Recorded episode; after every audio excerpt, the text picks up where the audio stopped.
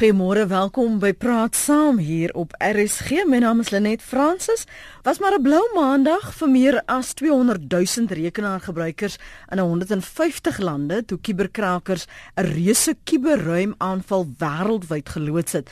Een van die aanvalle was op die Britse Nasionale Gesondheidsdiens. Hospitale in dokters se praktyke is die ergste geraak en hulle moes pasiënte wegwys en operasies kanselleer. So vanoggend op Praat Saam kyk ons na die modus operandi van kuberkrakers. Hoekom hulle dit doen? Wat maak hulle met daai inligting? Wat maak hulle met die geld?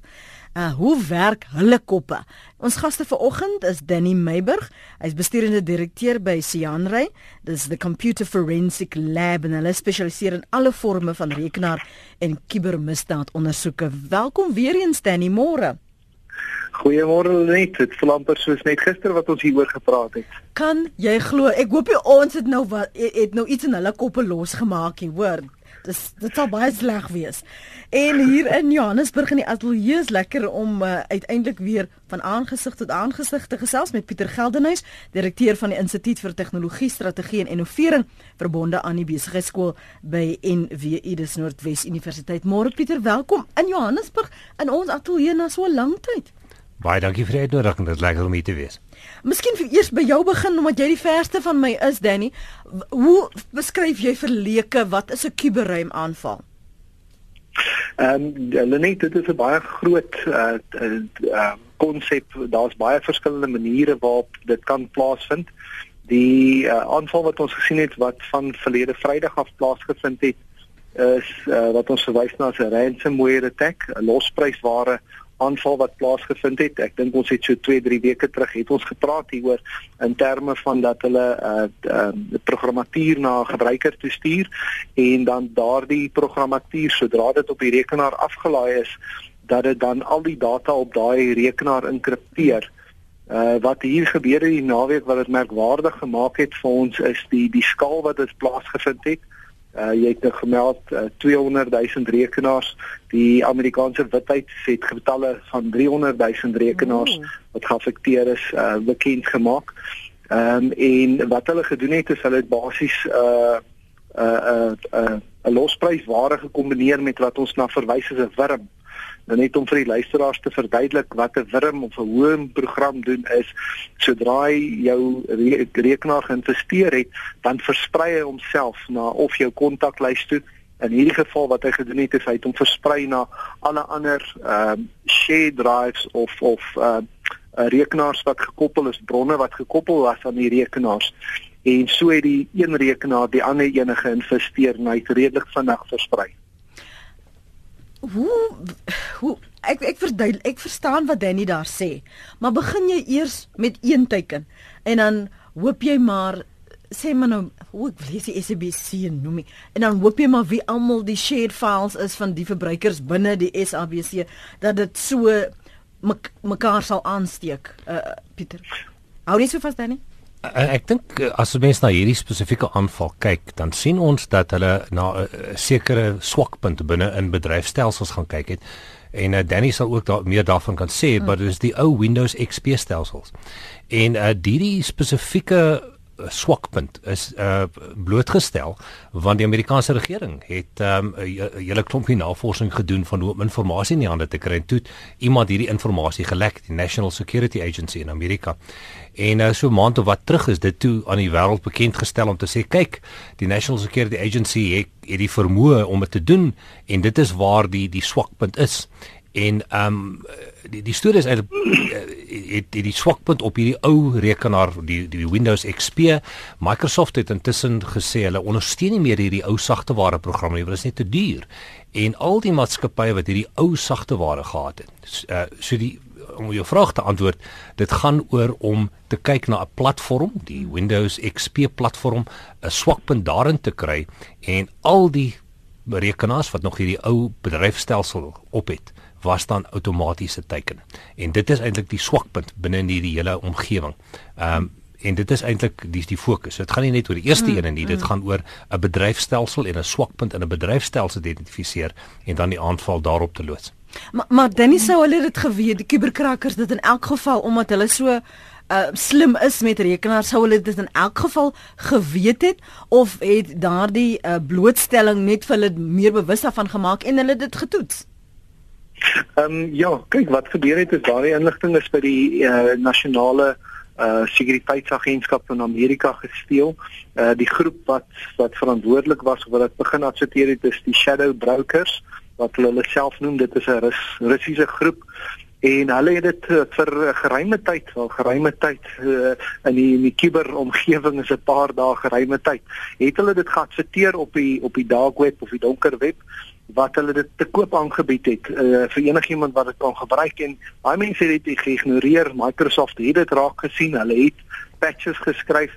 Uh, maar soos Pieter reg sê is, jy weet al die mense dit nie afgelaai en opgedateer nie.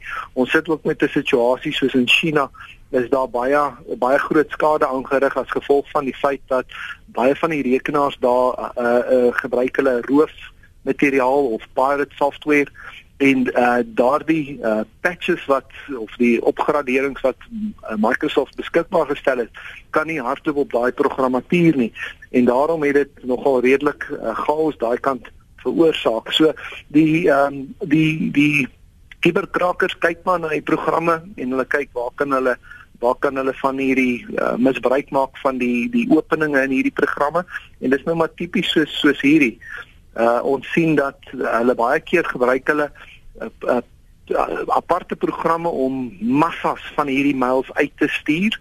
So hulle kan oor 'n 24 uur periode stuur hulle elke sekond gaan daar 'n uh, e-mail uit na 'n nuwe uh, e-mailadres toe. Hulle koop databasisse van bestaande e-mailadresse of hulle doen iets so 'n uh, dictionary tipe attack waarna ons verwys of 'n woordeboek attack wat hulle sê a at a dat sy dan sê dan hy stuur hom dan sit weer b at a en so bou hulle woorde outomaties en stuur net uit en as hy tref dan tref hy. En 'n ander kere wat ons sien is as as hulle verwys na 'n 'n targeted attack dan gebruik hulle die sosiale media om inligting oor jou of die organisasie saam te stel hulle populeer dit binne in 'n e-mail wat hulle dan vir jou stuur en hulle maak verwysing na uh, byvoorbeeld jou vrou se naam of jou hond se naam wat ook enigiets om jou te kry om daardie e-mail oop te maak en dan uh, dan uh, investeer jy jou rekenaar. So dit dis eintlik op 'n ander vlak. Dit dis 'n werk wat ons nie verstaan nie want dis 'n wêreld wat ons nie noodwendig verstaan nie. En en nie net kiberkrakers nie, maar maar jy Danny en en Pieter omdat jy op 'n in 'n virtuele wêreld werk met tegnologie, hoe weet ons wat hier op ons tabletjie werk of op die rekenaar dat ons is blootgestel. Ons gaan nie eens kan weet ons is blootgestel nie. Kyk, die wêreld verander. Ons sit met 'n ongelooflike klomp verwerkingskrag. Ehm um, ons as ons kunsmatige intelligensie analises doen, dan is dit so maklik om 'n kredietkaart uit te haal en jy koop fisies verwerkingskrag en ons spin 'n hele klomp nuwe verwerkers op en uh, ek en my vriende wat wat uh, wat werk aan aan kunsmatige intelligensie kan eintlik sien dat binne 'n paar sekondes het jy verwerkingskrag enorme verwerkingskrag by Amazon of by Google wat jy aankoop.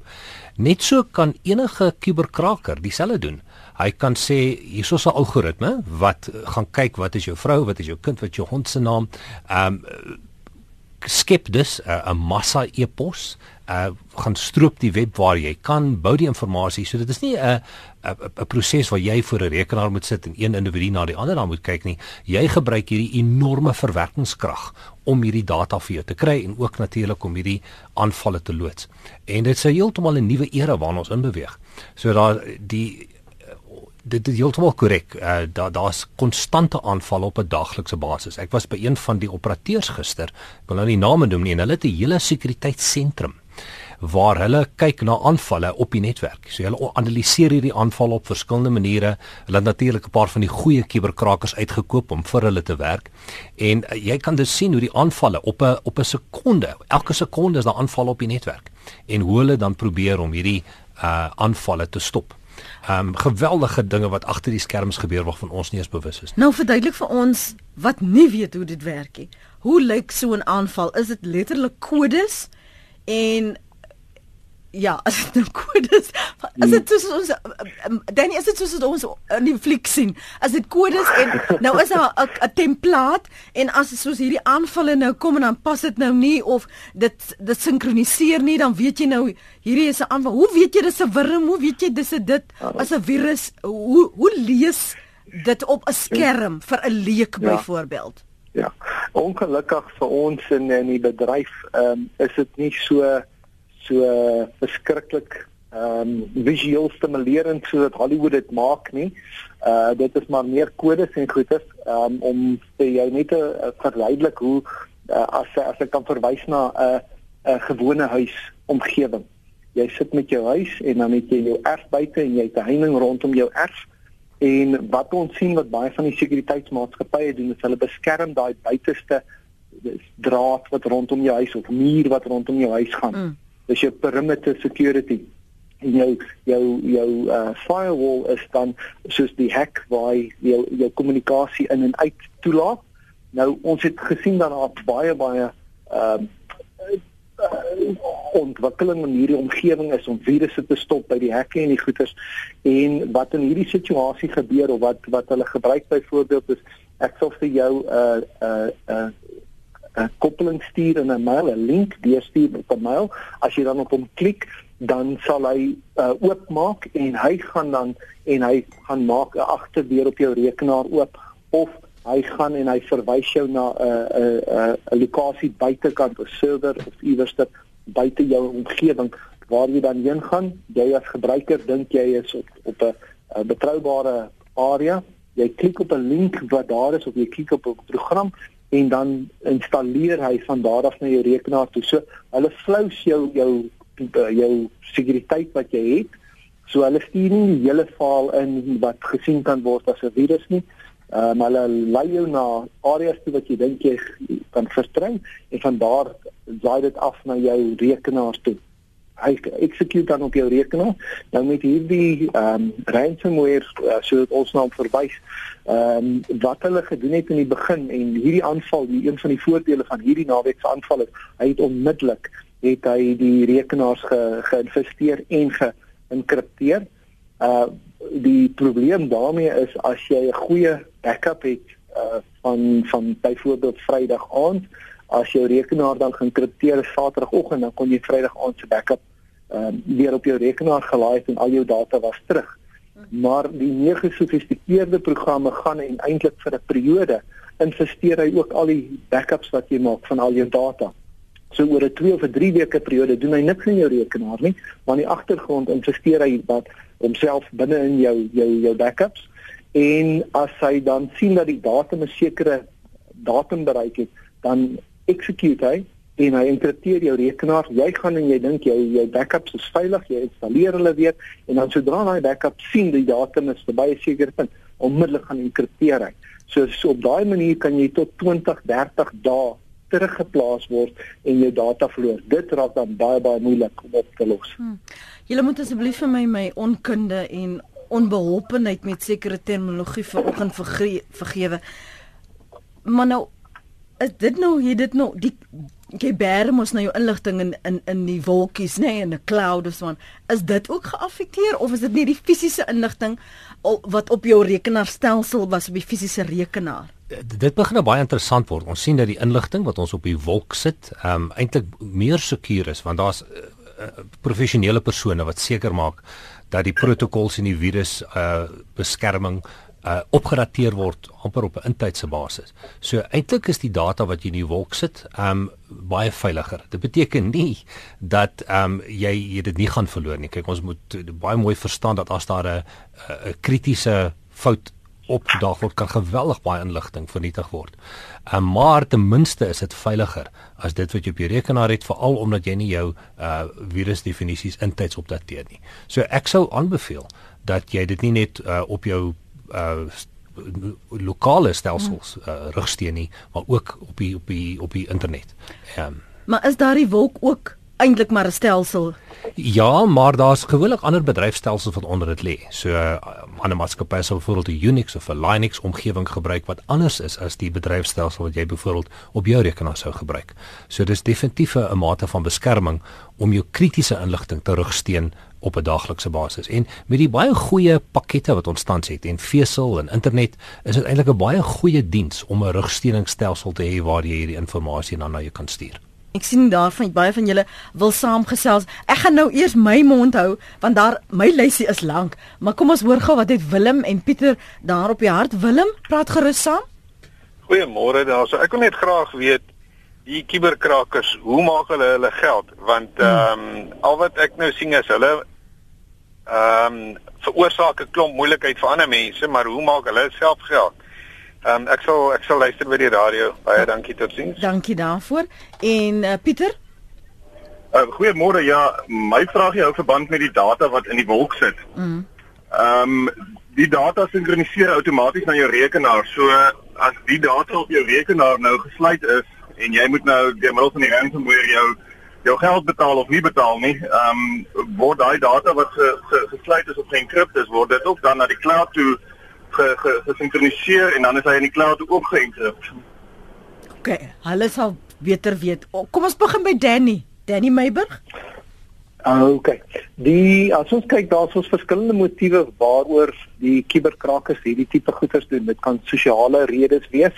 Uh of dit kan wees dat uh, hulle agter geld is. Gewoonlik is dit die geld die die groot motiverende rede. As ons byvoorbeeld net na hierdie aanval kyk, en ons neem in ag dat die die withuis uh, gesê 300 000 rekenaars is is geaffekteer die losprys wat ge, geëis word outomaties die die program wat aflaai na jou rekenaar toe wat hom inkripteer los ook vir jou die laaste ding wat hy doen is hy los vir jou 'n boodskap om te sê jou jou data is nou geïnkripteer en hy gee vir jou dat jy 48 uur om die volgende bedrag te betaal en dan gee hulle vir jou ook instruksies hoe jy dit kan betaal Nou die bedrag wat op hierdie situasie geëis is is 300 dollar per rekenaar en as jy dit gaan kwantifiseer dan sien jy hulle staan 'n kans dat dit al 300 000 mense betaal dan praat ons van 90 miljoen dollar wat hulle kan maak en soos ek gemeld het die aanval het gehardloop van Vrydag af weer na Saterdag toe. Uh so binne 'n 48 uur periode staan jy ouens se kans om 90 miljoen dollar te kan maak. Die meganisme wat hulle gebruik is Bitcoin wat 'n uh, elektroniese geldeenheid is wat dit baie moeilik maak vir ons om die geld roete te volg na hmm. spesifieke individue. Ehm um, die manier wat Bitcoin gebruik word is ek kan enige plek in die wêreld kan ek daardie elektroniese beursie van my ehm um, toegang tot hom kry en die geld verplaas en gebruik en so meer. So dit maak dit baie baie moeilik vir ons uh, wetstoepassers om dit te volg. Wat ons wel gesien het, daar is uh verslae wat al uitgekom het in die afgelope paar dae wat gewys het dat daar opvolgaanvalle is. Hulle het begin om hierdie elektroniese beursie dop te hou en hulle het gesien dat daar gelde uit ander aanvalle ook na hierdie beursie, hierdie spesifieke beursie wat gebruik is in hierdie situasie ook toe is. So ons sien dat daar al, al reeds opvolgaanvalle is en dit is maar hoe hierdie ouens hulle geld maak. Ehm um, daar's 'n groot groot motivering vir hulle 90 miljoen dollar Jy kan dit baie goed gebruik vir navorsing, vir nuwe skryf van programmatuur en dit is wat hierdie boosdoeners doen. Ehm um, hulle gebruik daai geld en hulle gaan hier die beste uh kuberkrakers, hulle koop die beste programmatuur om hulle self weg te steek. Uh so hulle het regtig baie beter uh resources as wat ons in die wetstoepassing omgewing het gaan nou nou vir jou kans gee Pieter om te te, te reageer. Rikus wil ook oor die geld praat, like dit my. Rikus? Hallo, net ja, dis Rikus hier op Pretoria. Ja, die ou het min of meer aan my vrae geantwoord want my my my bekommernis is net as die mense nou die geld eis. Waar betaal dit in so dat met ander woorde, die geld moet traceable wees anders doen die bank mos nie sy werk nie. Goed, miskien wil jy daar op kommentaar lewer? Ek dink dan het dit baie goed mm. beskryf. Bitcoin gee vir die vermoë om anoniem elektroniese beursie te hê en hierdie geld aan iemand enigiemand oor te betaal. Uh inderwaarheid het ons nie meer 'n vertroue binne in 'n bank nodig of 'n regering nodig om die waarde van ons geldeenheid te bepaal nie, maar in in wiskunde. Uh en dit is die onderliggende basis van Bitcoin en daarom ehm um, die Bitcoin infrastruktuur wat daar is, gee dan die vermoë vir jou om geld te kan oorstuur aan iemand, dit om te skakel in normale geldeenhede, maar ook uh die vermoë te gee. Alhoewel ons weet wat die BC is, weet ons nie wie die BC beheer nie. Is is soos wanneer jy self met 'n BC geld aan iemand se selfoonnommer byvoorbeeld net stuur en hulle gaan tik dit by enige bank aan. Wel nie noodwendig nie, want jy gaan weet wie die persoon is as hy selfoon het. sien Bitcoin eerder as kontant en kontant wat jy aan iemand anders gee en na iemand daai kontant dan gebruik, uh, weet jy nie waar dit gebruik of wie dit gee nie. Dit is heeltemal anoniem en Bitcoin is intreed op dieselfde vlak, maar jy doen dit via die internet. Ha, ek weet nie of dit Pieter was wat gepraat oor die data aan die wolk en uh, die sinkronisering van Ja, ek ek dink sy vraag eerder was hierdie data wat geënkripteer is op jou rekenaar word dit afgelaai en dan gekyk. Ek ek ek dink as dit 'n spesifieke aanval op iemand is, is dit moontlik om dit te doen, maar ek dink in hierdie geval was dit meer net om mense se data te te vries te enkripteer op hulle rekenaars en dit te ontsluit vir 'n beloning. Um, ek dink nie in hierdie geval was die was die fokus daarop om data te steel nie, maar om data te steel, uh spionasie op maatskappye en individue is is moontlik, hmm. maar dan sit 'n getekende aanval en dan is dit heeltemal 'n ander motief. So so hierdie was nou 'n reuse kuberaanval uh, en wat 150 150 lande wêreldwyd. Maar, maar as ek nou net ek Bill Gates is byvoorbeeld wat Bill Gates sal nou nie so dom wees soos ek nie maar as ek nou 'n Bill Gates was en ek het al hierdie maatskappye watter ander maniere is daar om 'n losprys te eis of dan om my rekenaar of my rekenaarstelsel in 'n maatskappy gijslaar te hou? Kyk dan het 'n paar baie goeie dink Eh, verduidelik rakende die feit dat jy amper 'n 'n muur bou rondom jou stelsels, maar as jy binne die stelsel kom, kan jy chaos veroorsaak. Daar is gevalle in die verlede waar iemand hierdie gewone geheuestokkies, die uh memory sticks Stik. of die mm. geheuestokkies, um met sekere virus uh programmatuur infekteer en dan maak jy 20 of 30 van hulle en jy gooi hulle in die parkeerterrein rond en jy sê uh pornografie of wat ook al op hulle. Iemand is onnoosel genoeg om dit op te tel en dan binne in sy maatskappy die geheuestokkie in sy rekenaar te sit en dan sit agter die muur en dan begin hy die hele stelsel aanval. Ek het ook van 'n geval gelees waar 'n hommeltuig gebruik het met um 'n Wi-Fi sender op met dieselfde naam as die Wi-Fi binne 'n gebou. Hulle gaan lande dan op die dak van die gebou en jy sien dan twee verskillende uh aan aansluitpunte ja. via Wi-Fi en jy klik op een en hy sê maar weet tik asseblief jou jou kode in jy tik in en jy's by Wi-Fi ingekoppel en dan uh koppel dit dan op hier op die stelsel in en sê vir jou maar wat is jou wagwoord vir jou administratiewe stelsel en daardeur kry hulle dan die wagwoord vir die administratiewe stelsel so ongelooflike innoverende dinge wat mense doen om binne in 'n maatskappy te kom. So die meeste navorsing word gedoen om hierdie mure rondom jou maatskappy sterker en sterker te maak. Die probleem is as jy die aanval binne in die maatskappy het. En uh, ons het nog nie heeltemal 'n oplossing vir al daai probleme nie. Maar dit lyk dan Danny gemeet aan die feit dat jy selfs op hierdie skaal hierdie tipe aanvalle kry en die tipe geld wat geëis word dat dit lonend is en dat die kuberkrakers miskien 'n paar myle voor wetstoepassers is of dan sommige wat programmatuur skryf vir maatskappye of stelsels moet opdateer vir maatskappye. Danny? Ja, nee, dit is definitief so. Ehm um, ja, ja, nee. Nee, dit is definitief so. Ehm um, ons sien dat jy weet hulle het uh, vryelik toegang en ons het etiese kodes. Uh, ons praat nou spesifiek byvoorbeeld van inligting in die wolkhou. Uh, So byvoorbeeld as net om vir die luisteraars te verduidelik as ek my data in die wolk hou en 'n gedeelte daarvan is aan Amerika as die Suid-Afrikaanse polisie byvoorbeeld beslag lê op daai data dan kan hulle nie want dit val nie binne ons jurisdiksie nie. So ek as 'n wetstoepasser moet hou by die reëls waar ons sien dat die kiberkrakers het nie nodig nie. Daar's nie landsgrense van hulle nie, daar's nie etiese waardes nie. Jy weet hulle val ou mense aan, hulle val kerke aan. Ehm uh, en daar niks is taboe vir hulle nie waar ons die res van ons moet by hierdie tipe van goeders hou. Uh net om verder ook uit te dry op uh, Pieter se oorspronklike vraag, uh die data in die wolk. Dis een van die goeders waarvoor die mense baie versigtig moet wees. Pieter is definitief korrek as jy byvoorbeeld jou data rigsteen in die wolk of op 'n 'n server dat as jou rekenaar aangeval word dat jy nie daardie geïnkripteerde inligting oorskryf oor jou goeie data nie. So as jy aangeval word, gaan uh, uh, kry toegang tot jou geregistreerde data uit 'n ander masjien uit en moenie uh, daai goeie so doen nie. Uh dat jy die jou slegte data nou oor die goeie data uh um uh, terugsteen nie. En dan 'n ander aspek wat Pieter ook genoem het is jy weet as as hierdie kuberkrakers binne jou netwerke kom, kan hulle chaos veroorsaak. Nou van die studies wat ons beskikbaar het, wys dat studies wat gedoen is in Suid-Afrika wys dat die algemene kuberkraker op 'n organisasie se netwerke is ten, tot en met 205 dae voordat hulle agterkom dat hulle actually so ons genoem uh, dit noem gehack is. Nou moet jy vir jouself dink as daar 'n kuberkraker is wat in jou organisasie is vir 205 dae, dan kan hy amper vir jou sê wat eet jy vir die oggende vir ontbyt. So goed ken hulle die data, so goed ken hulle die toegangsbeheer op op hierdie masjiene en hulle kan letterlik doen net wat hulle wil. So dit is dit is 'n groot probleem.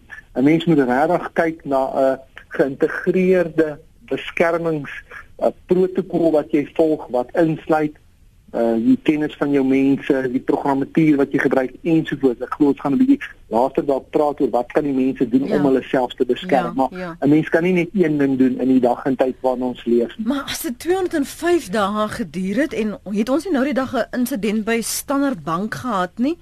Hoe veilig is ons geld Pieter Geldenhuys in die bank? Dis 'n baie goeie vraag. Banke het natuurlik baie goeie stelsels uh, wat wat in 'n mate gaan kyk uh, om om die bulk van jou uh geld kan beskerm. Ek dink nie jy gaan 'n aanval hê waar jy wat al die geld onmiddellik gesteel word nie alhoewel in in verlede sekere instansies wel baie seer gekry het. Daar is egter baie sekuriteitsprobleme en ons sien veral die impak van die internet van dinge, die internet of things, mm. hoe dit al hoe meer en meer 'n impak gaan hê. Onthou virusse gaan nie net 'n impak op ons rekenaars hê nie, maar ook op ons toestelle en toerusting. Ehm um, dink daaraan as jy 'n virus op 'n kredietkaartmasjien neersit jy, jy almal sê vir jou hou jou pin altyd baie veilig en beskerm dit. Maar dink daaraan as iemand 'n virus op daai stelsel self het en gewoon, gewoonlik is daar maatskappye wat hulle uh, kry om hierdie vir vir hulle te bestuur en as hulle die sagte waar op hierdie point of of of die kredietkaartmasjiene wil opdateer en doen dit van 'n sentrale punt af. En as iemand 'n uh, toegang tot dit kan kry, kan jy amper malware, ek weet regtig nie wat die Afrikaans daarvoor is nie, op hierdie kredietkaart lesertjie installeer en as iemand dan sy kaart insit en sy pin intik, kan jy daai data steel en na 'n sentrale plek toe stuur. Jy kan die kaart dan kloon en dan het jy ook die pin wat jy dit mee kan steel. So ons het met 'n dramatiese impak in die volgende paar jaar te doen. Ek dink die die sekuriteit, ek dink Danny is 'n ongelooflike goeie veld want sekuriteit gaan net meer en meer en meer belangrik word soos wat internetadresse absoluut vermeerder in die omgewing rondom ons. Kan ek vinnig dan op daai punt vra? So nou hoe veilig is ons met hierdie nuwe stelsel van tap tap tap net? Jy het nie meer 'n pin nodig nie. Kyk, ek dink wat banke baie keer doen is hulle hulle kyk na 'n holistiese siening van wie jy is en waar jy is en waar die transaksie plaasvind en dis meer. So daar's altyd 'n mate van beskerming. Ehm um, as jy ewe skielik geld trek in Sandton en die volgende oomblik trek iemand geld in mm. Tokyo, dan gaan jy dit optel op jou stelsels. Ehm um, as jy ewe skielik sien jy trek geweldig baie geld en die patroon is nie dieselfde nie. So dis waar kunsmatige intelligensie baie sterk inkom want hulle kyk na die patrone van gebruik van 'n gebruiker en dit is 'n alternatiewe manier om te kyk of die uh, stelsel is. So jy hulle het robuuste en veerkragtige. Dis al twee denkpatrone nodig om hierdie omgewing te kan te kan beskerm. Die die robuustheid om om seker te maak die toestelle is is veilig, die veerkragtigheid in die meting van gebruikersgedrag en om te kyk of daar enige variansies is. Hmm. En en ek dink hierdie hierdie twee standpunte is daar. Ons sien die die impak van ehm um, vingerafdrukke. Deesdae het Google dit toegelaat of as jy as ek byvoorbeeld nou op 'n rekenaar ingaan en ek gaan na my Google omgewing toe, dan moet dan sê hy op my foon vir my iemand wil ingaan, so ek moet my foon by my hê om toegang tot my rekenaar te kry. En dan vra my foon vir my, ek moet my vingerafdruk gee om dit te ontsluit. Ek dink ehm um, nou dit is nie ideale oplossing nie, maar dit is definitief beter as 'n pinkode. En ek dink banke gaan al hoe meer en meer ook daarna moet begin kyk om alternatiewe bronne van koppeling na jou toe te te hmm, identifiseer, selfs soos apps ensovoorts en vingerafdrukke.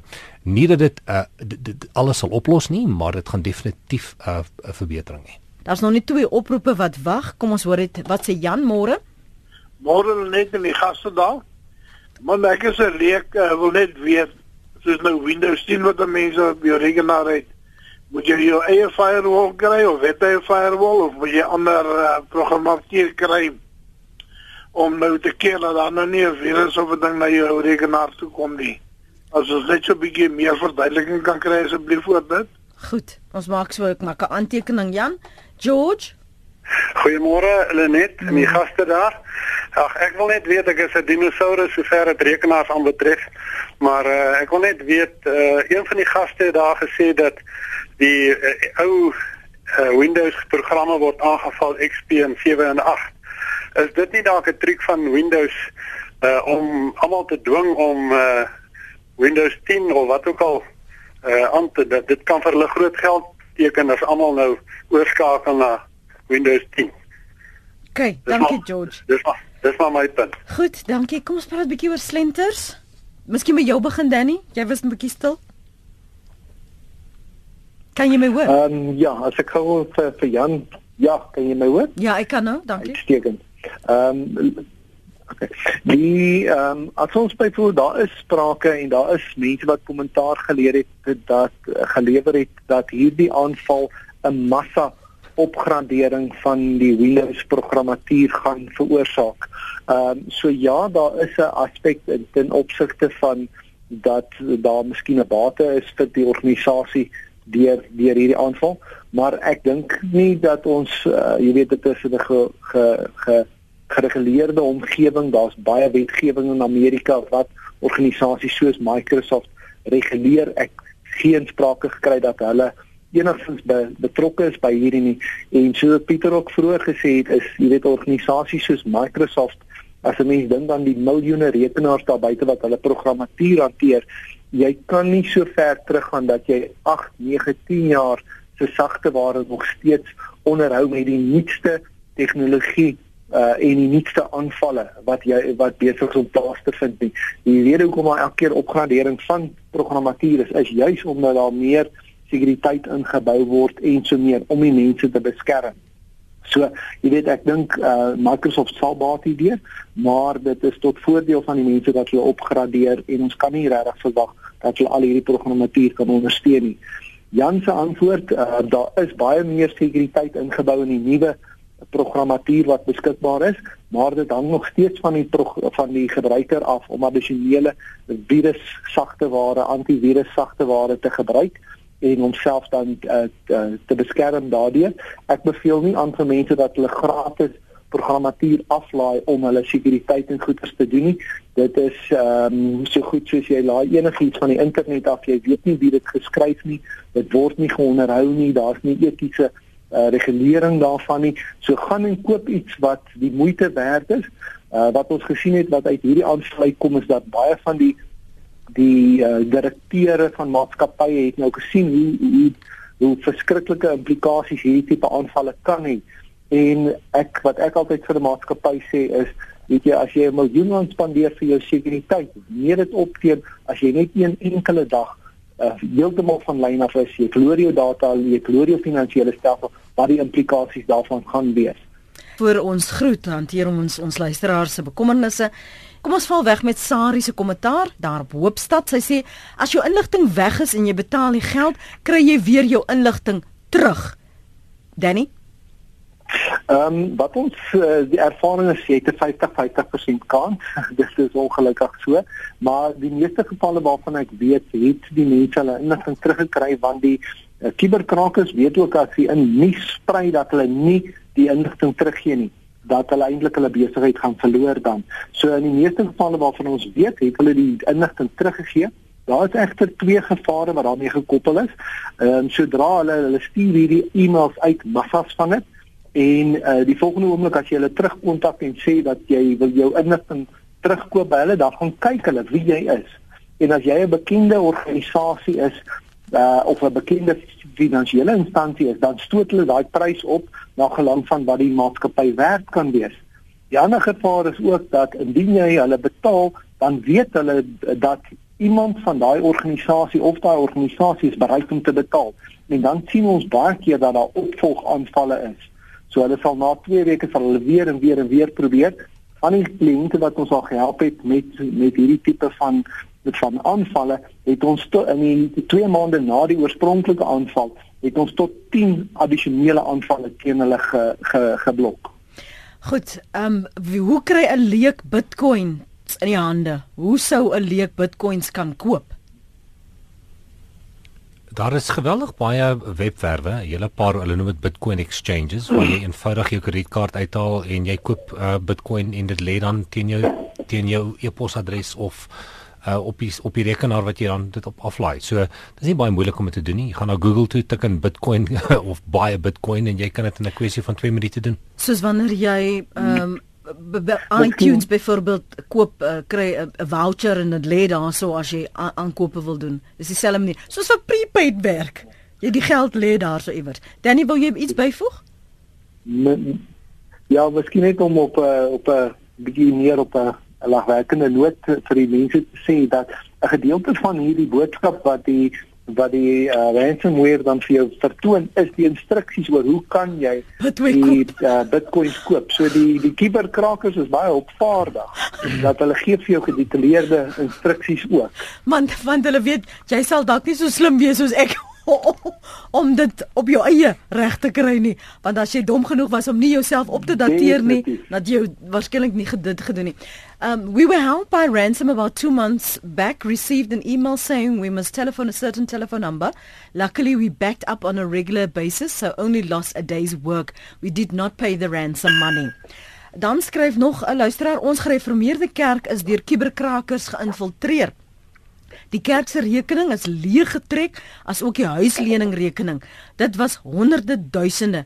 Dis by een van die bekende banke. Die bank het al drie persone in hegtenis geneem.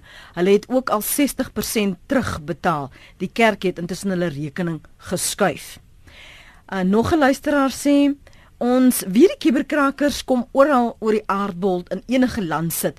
Vra net hier gaste of dit bekend is watter lande vanuit watter lande die meeste kuberaanvalle geloods word vra Jaco. En kan ek sommer daar byvoeg by Jaco se kom en se vraag daaroor. Ons sien nou ook veral voor die um, amptelike inwyding van die nuwe president is is Hillary se e-pos byvoorbeeld is dit gekraak. Dit aan die een kant. Dit raak nou deel van hierdie politieke spel. En dan ook wil ek vra, waar kry WikiLeaks dan hulle inligting? Ek, ek ek kan vinnig maar net reageer op die lande en dan sal ek aan Danny vra om die ander om die aan tweede deel te antwoord. Ehm um, ons sien verskillende lande, ons praat gewoonlik van China of ons praat van Noord-Korea of selfs Rusland. Uh en die en die nuwe aanval sê hulle is daar is elemente van die kode van Noord-Korea, maar wat baie lande ook natuurlik doen is hulle hulle stel hulle kode gratis beskikbaar aan die kuberkraker gemeenskap en jy hergebruik dit. So dit is baie moeilik om om om om te sê mm. dit is waar dit vandaan kom.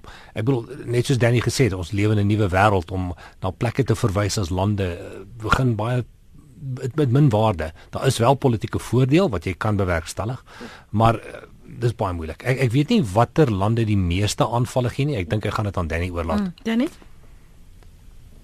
Ehm um, die die van die statistieke wat ons sien wat uh, vrygelaat was deur die internasionale ehm uh, organisasies soos Kaspersky Labs en FireEye toon aan dat die meeste van die aanvalle kom uit Rusland en uit China uit.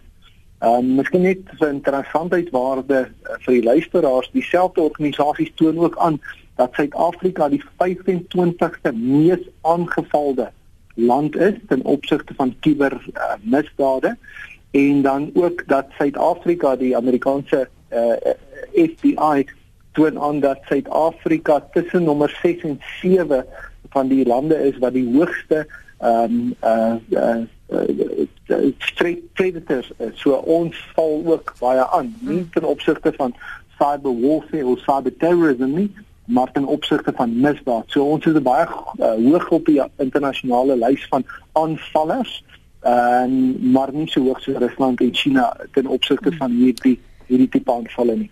Ek gaan afsluit met Edmund in Kaapstad en dan gaan begin ons by jou Pieter. Edmund skryf kiberkraak is selfs groter as 'n terrorisme aanval en hou die grootste bedreiging vir ons mensdom op aarde, veral op regering en koöperatiewe vlak. Hoe beskerm die gewone mens, die pensionaris, die student, ouers en kinders in die huis en sovers teen hierdie bedreiging? En hoe bekostigbaar en toeganklik is dit dan? Waarheen is ons eintlik op pad met al die AI, die wolk, die data spionasie en so voorts. Kom ons kyk praat vinnig oor waar ons heen gaan. Daar's alreeds 'n webwerf of 'n soek engine met die naam showdan.oi wat jou toegang gee tot die internet van dinge. Jy kan byvoorbeeld die sagte ware bedryf, as dis die ehm um, vervaardiger, dis die die sagte ware bedryfstelsel ehm um, vervaardiger, dis die die sagte ware bedryfstelsel wat op hom is. En as daar dan 'n fout is of dan kan jy toegang tot die kamera kry. Um, ons moet besef dat die internet baie wyer gaan net as rekenaars. En daar's 'n paar eenvoudige dinge en ek dink dan jy kan uitbrei daarop maar eerstens die inligting wat jy het om jouself te identifiseer jou PIN en jou sleutelwoord hou dit baie konfidensieel. Moet ook nie jou gebruik sê maar drie sleutelwoorde een vir jou bank eene vir jou e-pos soos jou Gmail account hmm. en dan eene vir die oop internet want baie keer dan dan, dan sê iemand registreer en dan tik jy jou jou e-pos adres en jou uh, sleutelwoord in en daai sleutelwoord is presies dieselfde wat wat by Google uh, mm. gebruik word. As iemand dan hierdie maatskappy so aanval en daai data in die hande kry, um, en daar's oop webwerwe wat vir jou sê of jou of jou persoonlike verbaas al gesteel is of nie, dan kan hulle hierdie sleutelwoord van jou gebruik om toegang tot jou ander elektroniese identiteite te kry. So, dis baie belangrik om seker te maak dat jy ten minste 3 wagwoorde het, een vir die bank, een vir een vir jou hoof e-pos en een vir die res of, of selfs as jy nie jou sosiale media ook wil oorgeneem hê nie, miskien 4. maar maar maar dit dis die belangrike ding en dan kan jy ook natuurlik hierdie outomatiese insleuteling van Facebook of Google gebruik wat jou toegang tot hierdie platforms kan gee. Ja. Uh, en dan maak seker as jy 'n nuwe toerusting aankoop vir jou huis en hy het uh of 'n uh, of vir jou maatskappy, baie keer dan is die basiese toegang om dit te verander admin en admin ja. verander dit want as jy dit ooplaat het iemand anders die vermoë om dit oor te neem um, en skade aan te rig. So daar's 'n paar basiese dinge maak seker dat jou jou virus opdaterings en jou opdatering van jou bedryfstelsel in tyds plaasvind wanneer wanneer uh, dit uitkom. Buiten dit dit is wat 'n individu kan doen. Dit beteken nie jy gaan 100% beskerm wees nie, maar jy gaan definitief veiliger wees as jy hierdie basiese elemente uh, wel doen. En ek dink Danny gaan definitief 'n paar ander voorbeelde hê. Ja, Danny, dis waar ons gaan afsluit. Ek gaan jou so 'n uh, minuut en 'n half gee. Die polisie het altyd gesê jy moet dink soos 'n dief, maar as ons nie die wêreld van kuberkrakers verstaan nie, hoe kan ons soos hulle dink? Ek dink as ons kyk na ons normale uh, pensionaars of so, ehm um, bekostig die sagte ware en beskerming wat jy kan bekostig. Koop die beste wat jy kan. Dan dink ek dit is 'n goeie ding om ten minste een keer elke paar maande dalk net jou rekenaar na jou plaaslike IT winkeltjie toe te vat of ehm um, iemand te kry om net net alles veel op te gradeer. Uh daai tipe van goeders kan 'n mens doen dan die grootste ding is 'n mens moet net bewus wees van wat jy doen. Moenie op onbekende e-mails reageer nie jy weet my my ma van my bel en sê luister uh, sy het 'n e-mail gekry van 'n bank af of 'n oproep van 'n bank af. En dan sê ek ma maar jy jy bank dan nie by daai bank nie. Ja sy weet maar die mense was verskriklik vriendelik. Dan daai tipe slenters vang hulle die mense gemee so uh, awareness baie baie belangrik. Moenie op goeders oopmaak nie. Moenie goeders aflaai wat gratis aangebied word met games daai tipe van goeders dit maak op jou selfoon dit kan uh, agterdeure oopmaak vir hulle om in te kom. 'n organisasie jy moet 'n geïntegreerde sekuriteitsprogram hê, jy moet 'n incident response plan hê, jy moet 'n incident response team hê so as daar 'n incident gebeur dat iemand is wat kan oorneem, wat kan dit bestuur, die beste sagte ware wat jy kan bekostig dit um, en dan maak gereelde uh, rigstene van jou data en hou daardie data apart van jou rekenaar. Ek voel bietjie oorweldig vanmôre. Ek moet vir julle albei dit net erken en vir die luisteraars, maar baie dankie dat julle in leuke taal vir ons uh, gemoedsrus probeer gee. Waardeer dit. Dankie dat jy ingekom het Pieter Geldenhuys. Dankie ook vir jou tyd vanoggend Dinnie Meiburg. Beslis stof tot nadenke.